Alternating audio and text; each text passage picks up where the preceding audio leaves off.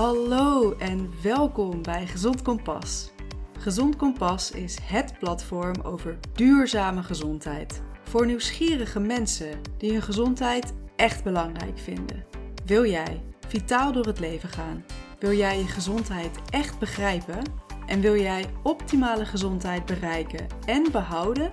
Dan ben je bij Gezond Kompas op de juiste plek. Ik ben Iris Otto, arts, gepromoveerd wetenschapper en de oprichter van Gezond Kompas.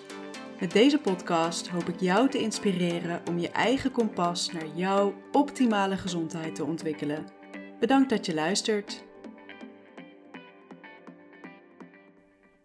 Hallo allemaal en welkom bij een nieuw seizoen van de Gezond Kompas podcast.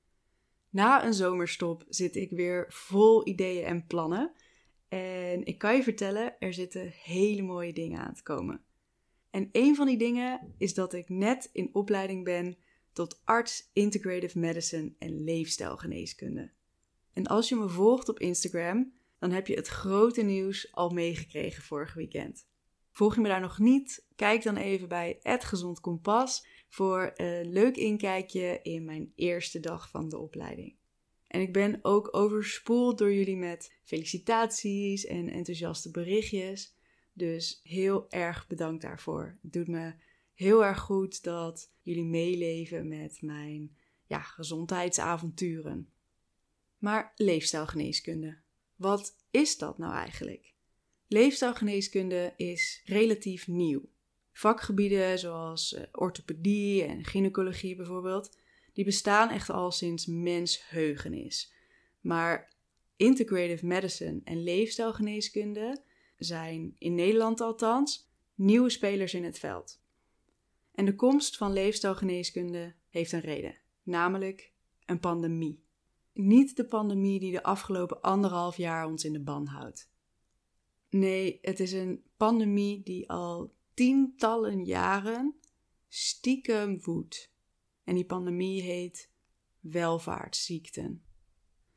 Volgens cijfers van het Centraal Bureau van de Statistiek overlijdt bijna 70% van de mensen aan of met een chronische ziekte. En dat is al een gigantisch percentage, maar dat torenhoge percentage stijgt nog steeds, gezien er op dit moment al meer dan 80% van de mensen boven de 60 jaar één of meer chronische ziekten heeft. En laat dat even op je inwerken. Voor veel van de luisteraars lijkt 60 misschien nog een hele tijd weg. Maar besef je dat die ziekten niet van de een op de andere dag ontstaan. Hè? Ook 60-minners krijgen steeds eerder te maken met een chronische ziekte. En we worden misschien wel steeds ouder, maar ook steeds meer en eerder ziek. En dat is een hele, hele zorgwekkende trend. Professor Hanno Pel noemde het een tsunami van chronische ziekten, die voor veel persoonlijk leed en de onhoudbare stijging van de zorgkosten zorgt. Dat kan toch niet zo langer, zou je denken?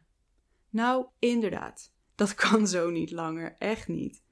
In onze huidige maatschappij kan je er bijna van uitgaan dat je op een gegeven moment eh, suikerziekte krijgt, of een hartaanval, of dementie, of kanker.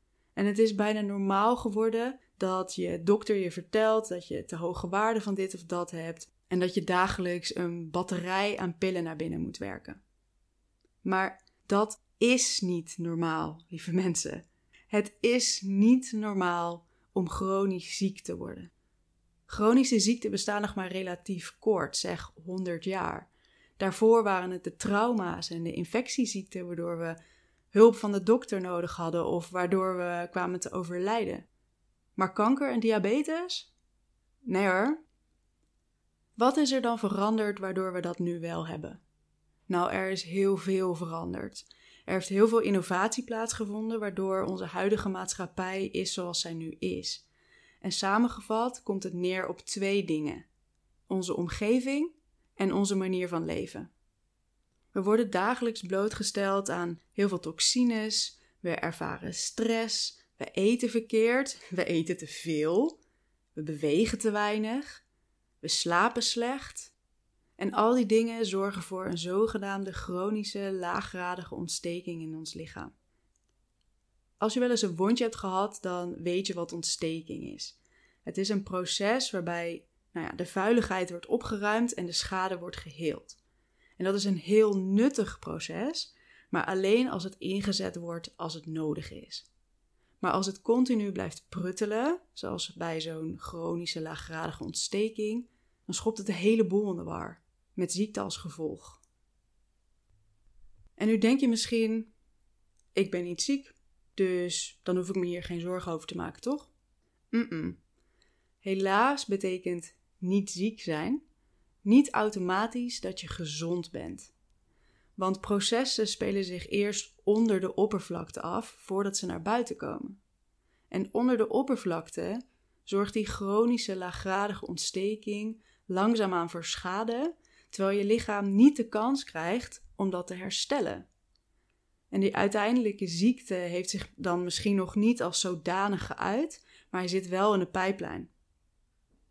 Iets anders wat mensen wel eens zeggen is: Maar je moet toch ergens aan doodgaan? Mm, ook niet waar. Je hebt vast wel eens van de blauwe zones gehoord, de blue zones.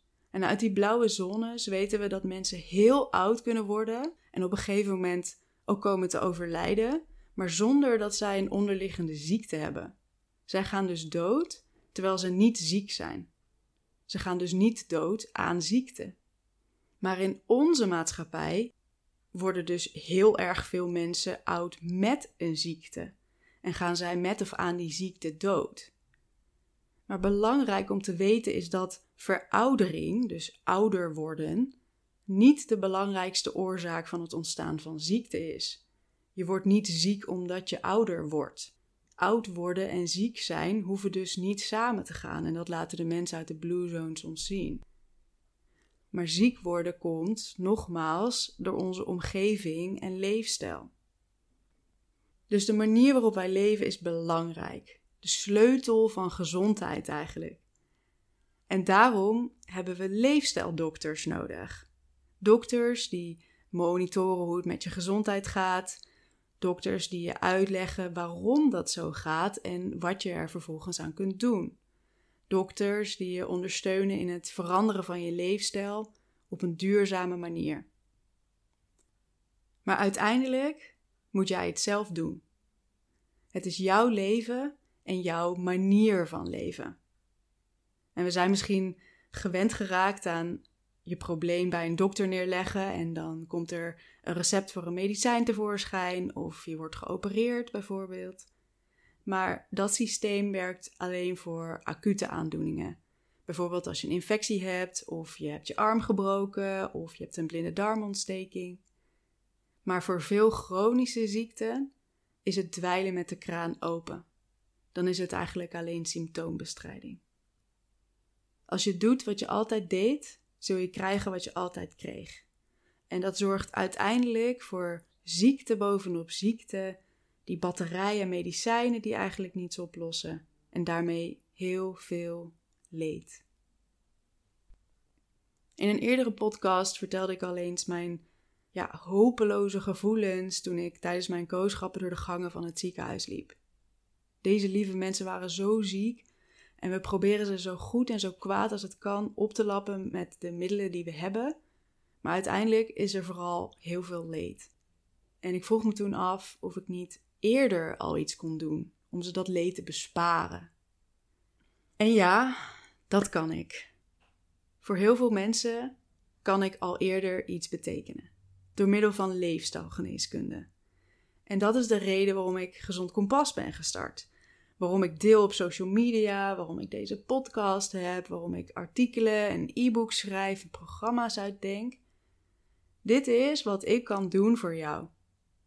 Je bewust maken, je kennis vergroten, je gezondheid monitoren, je advies geven en je ondersteunen in je keuzes en proces.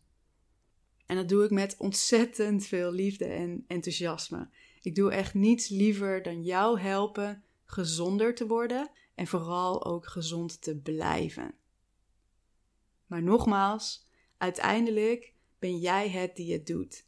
Jij bent degene die ervoor kan zorgen dat je je leven op zo'n manier inricht dat je er zo lang mogelijk plezier van kan hebben. En met zo min mogelijk leed. Dus laat dit je wake-up call zijn.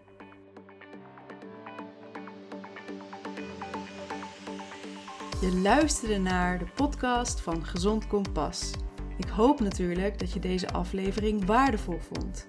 En ik waardeer het ontzettend als je de podcast met anderen deelt en een beoordeling en een recensie achterlaat. Dit helpt namelijk om de podcast te laten groeien en zo meer mensen te kunnen ondersteunen in duurzame gezondheid. Dus alvast bedankt voor je moeite. Abonneer je op dit podcastkanaal om op de hoogte te blijven van nieuwe afleveringen en volg Gezond Kompas op Instagram. Voor alle artikelen, downloads en andere handvatten voor een duurzame gezondheid, ga naar gezondkompas.com. Nogmaals bedankt voor het luisteren en graag tot de volgende keer.